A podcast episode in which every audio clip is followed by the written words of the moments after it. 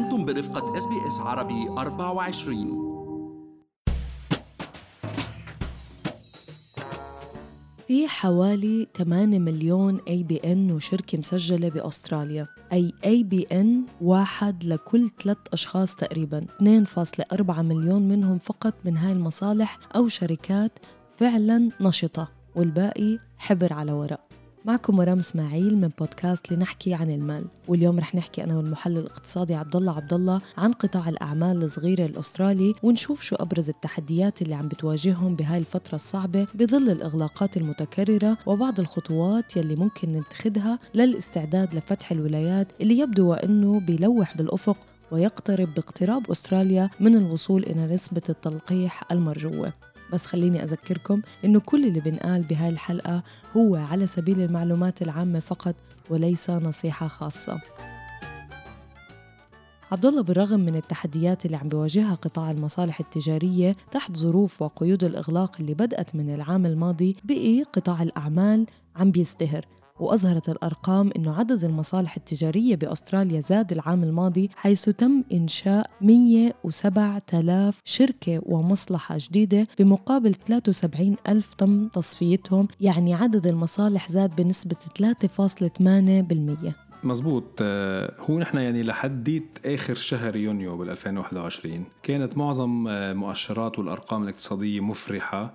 لحد ما بلش الأغلاق بسدني وبعدين ملبورن وال ACT هلأ رغم الأزمات المتكررة يلي مرقنا فيها العام الماضي واليوم الأزمات مرام هي العدو الأول للشركات وخاصة المصالح الصغيرة وال sole trader أثبتت هيدي المصالح آه، وقطاع ال small business بأستراليا آه، قدرة عالية على الصمود. آه، هلأ أكيد ما ننسى اليوم إنه الدور الكبير يلي لعبته البرامج الحكومية وأبرزهم كان ال JobKeeper وال cash flow boost يلي ساعدوا اليوم عشرات آلاف من هالمصالح للبقاء البقاء على للاستمرار بال business. اليوم رجعنا على الإغلاقات ولحالات عدم الاستقرار. والاستقرار اليوم هو من أهم عوامل النجاح لأي business أو أي استثمار جديد. واليوم هالمصالح الصغيرة عم تواجه الأزمة من دون لا JobKeeper ولا cash flow boost عبد الارتفاع بعدد المصالح التجارية النشطه العام الماضي له عدة أسباب موضوعية ومحفزات. بس خلينا نقول إنه مو كلها أسباب إيجابية. مزبوط واولى هي العوامل اليوم إنه في كتير من الناس خلال جائحة آه، خلال أزمة كورونا قرروا أنه ياخذوا زمام المبادرة ويحاولوا يأسسوا حياة عملية يمكن أكثر استقرار من الوظيفة باعتبار يعني أنه المفهوم العام المصلحة الخاصة الناجحة تسمح بحياة مالية مستقرة أكثر من الوظيفة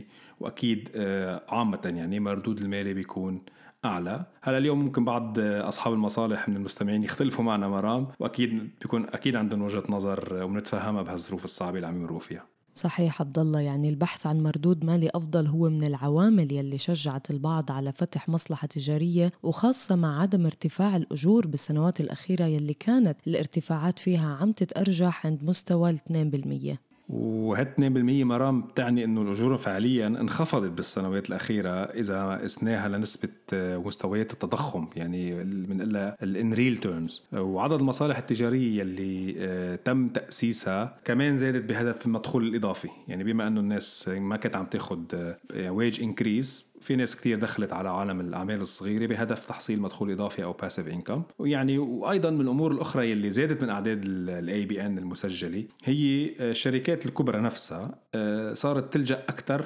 للتعاقد مع موظفين. وبنعرف نحن لنقدر نتعاقد بين الشركة والموظفين لازم يكون الشخص عنده ABN لهذه الشركات لجأت تتعاقد مع هالموظفين عبر ال ABN تبعهم بدل ما توفر لهم وظيفة دائمة. وأكيد ما بننسى نحن دائما بنحكي عن الموضوع ازدهار القطاع العقاري اللي هو المحرك الأول لمعظم السول تريدرز بأستراليا وشركات تطوير العقار والبناء الصغيرة والمتوسطة منها. بالفعل عبد الله والأعمال الصغيرة هي العمود الفقري للاقتصاد الأسترالي وحوالي 97% من الأعمال اليوم بأستراليا هي مصالح تجارية صغيرة. وبالتعريف عن هاي المصالح هي المصالح والشركات يلي بتوظف أقل من 20 موظف أو مردودها السنوي أقل من 10 مليون دولار. ومثل ما كنت عم تقولي بالبداية مرام للأسف اليوم العديد من هالأعمال بظل الإغلاقات بسيدني وملبورن وكامبرا. عم بتعاني من تحديات كتير كبيرة. أبرزها أكيد آه، تحديات مالية بسبب يعني آه، انخفاض المدخول وهذا الشيء بيأثر بشكل سلبي وسريع.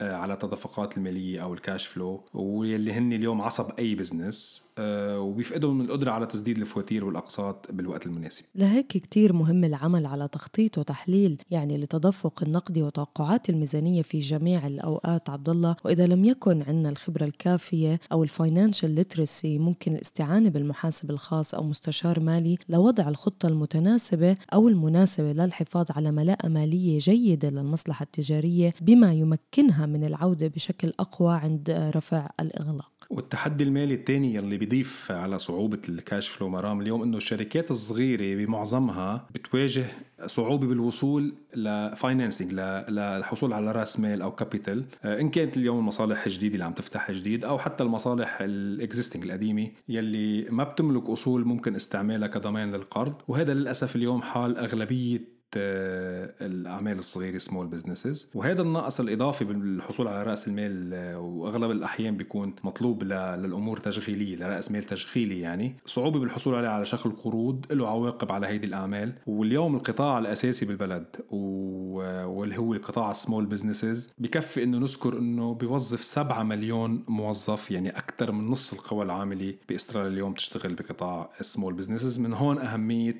المساعدات آه، وإنه هاي small business تقدر to stay afloat يعني تقدر تضل آه، وتتابع بعد هالازمه إن شاء الله. بالإضافة للأمور المالية بيهدف العديد من أصحاب الأعمال الصغيرة لتحسين الكثير من الأمور العملية والاستعداد لمرحلة ما بعد الإغلاق عبر إدخال التكنولوجيا إلى أعمالهم إن كان في مجالات التسويق والوصول للزبائن أو بإدارة الأعمال وخدمتهم للزبائن. مزبوط. يعني اليوم رغم الصعوبات من الضروري كتير مرام آه، وقدر ما بنقدر يعني قدر استطاعتنا المالية. نستغل هالفترة يلي نحن يعني الشغل فيها خافف لنفكر بتطوير أعمال أعمالنا وخاصة من ناحية التكنولوجيا آه، للوصول للزبائن وتلبية رغباتهم ومتطلباتهم أكثر يعني مثلا إذا بدنا ناخذ مثل عملي اليوم آه، أحد المطاعم أو المقاهي اليوم معظم الزبائن آه، بهمهم أن يكونوا يقدروا يشوفوا ال menu online يعني okay؟ ويعملوا الحجوزات ويعملوا الطلب ويدفعوا أونلاين. كثير صار اليوم مرام من الصعب أن نتخيل مطعم أو مقهى بأستراليا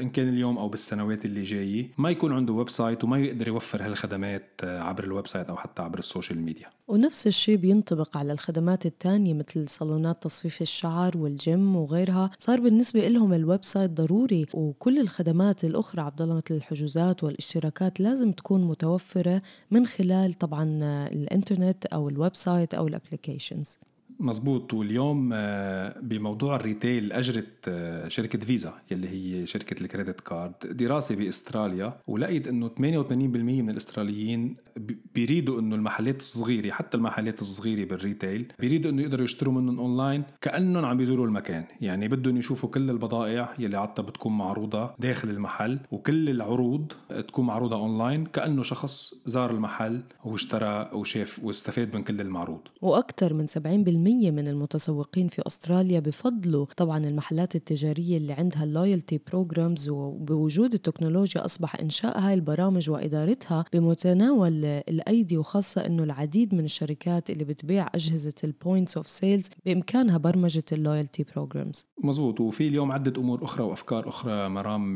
بالإمكان كل business يفكر كيف ممكن يطوروا أعمالهم لرفع الكفاءة التشغيلية ومنها مثلا إدارة الموردين آه، والمخازن. مخازن ال inventory وممكن اليوم استعانه بمجموعة من البرامج لتتبع مثلا ال inventory والمخزون وإرسال تنبيهات إذا مثلا أحد العناصر خف أو قلت الكمية اللي فيه. وممكن كمان استعانه ببرمجيات لإدارة أوامر الشراء ال purchase orders والفواتير والعقود بشكل أكثر كفاءة.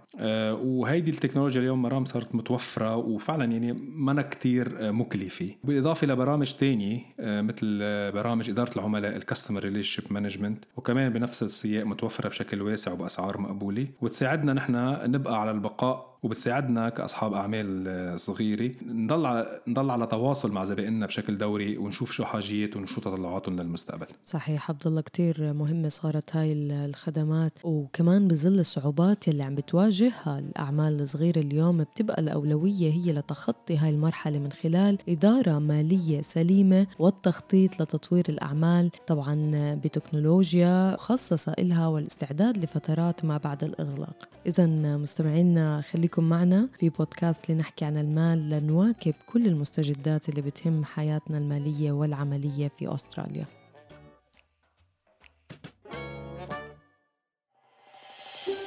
هل تريدون الاستماع إلى المزيد من هذه القصص؟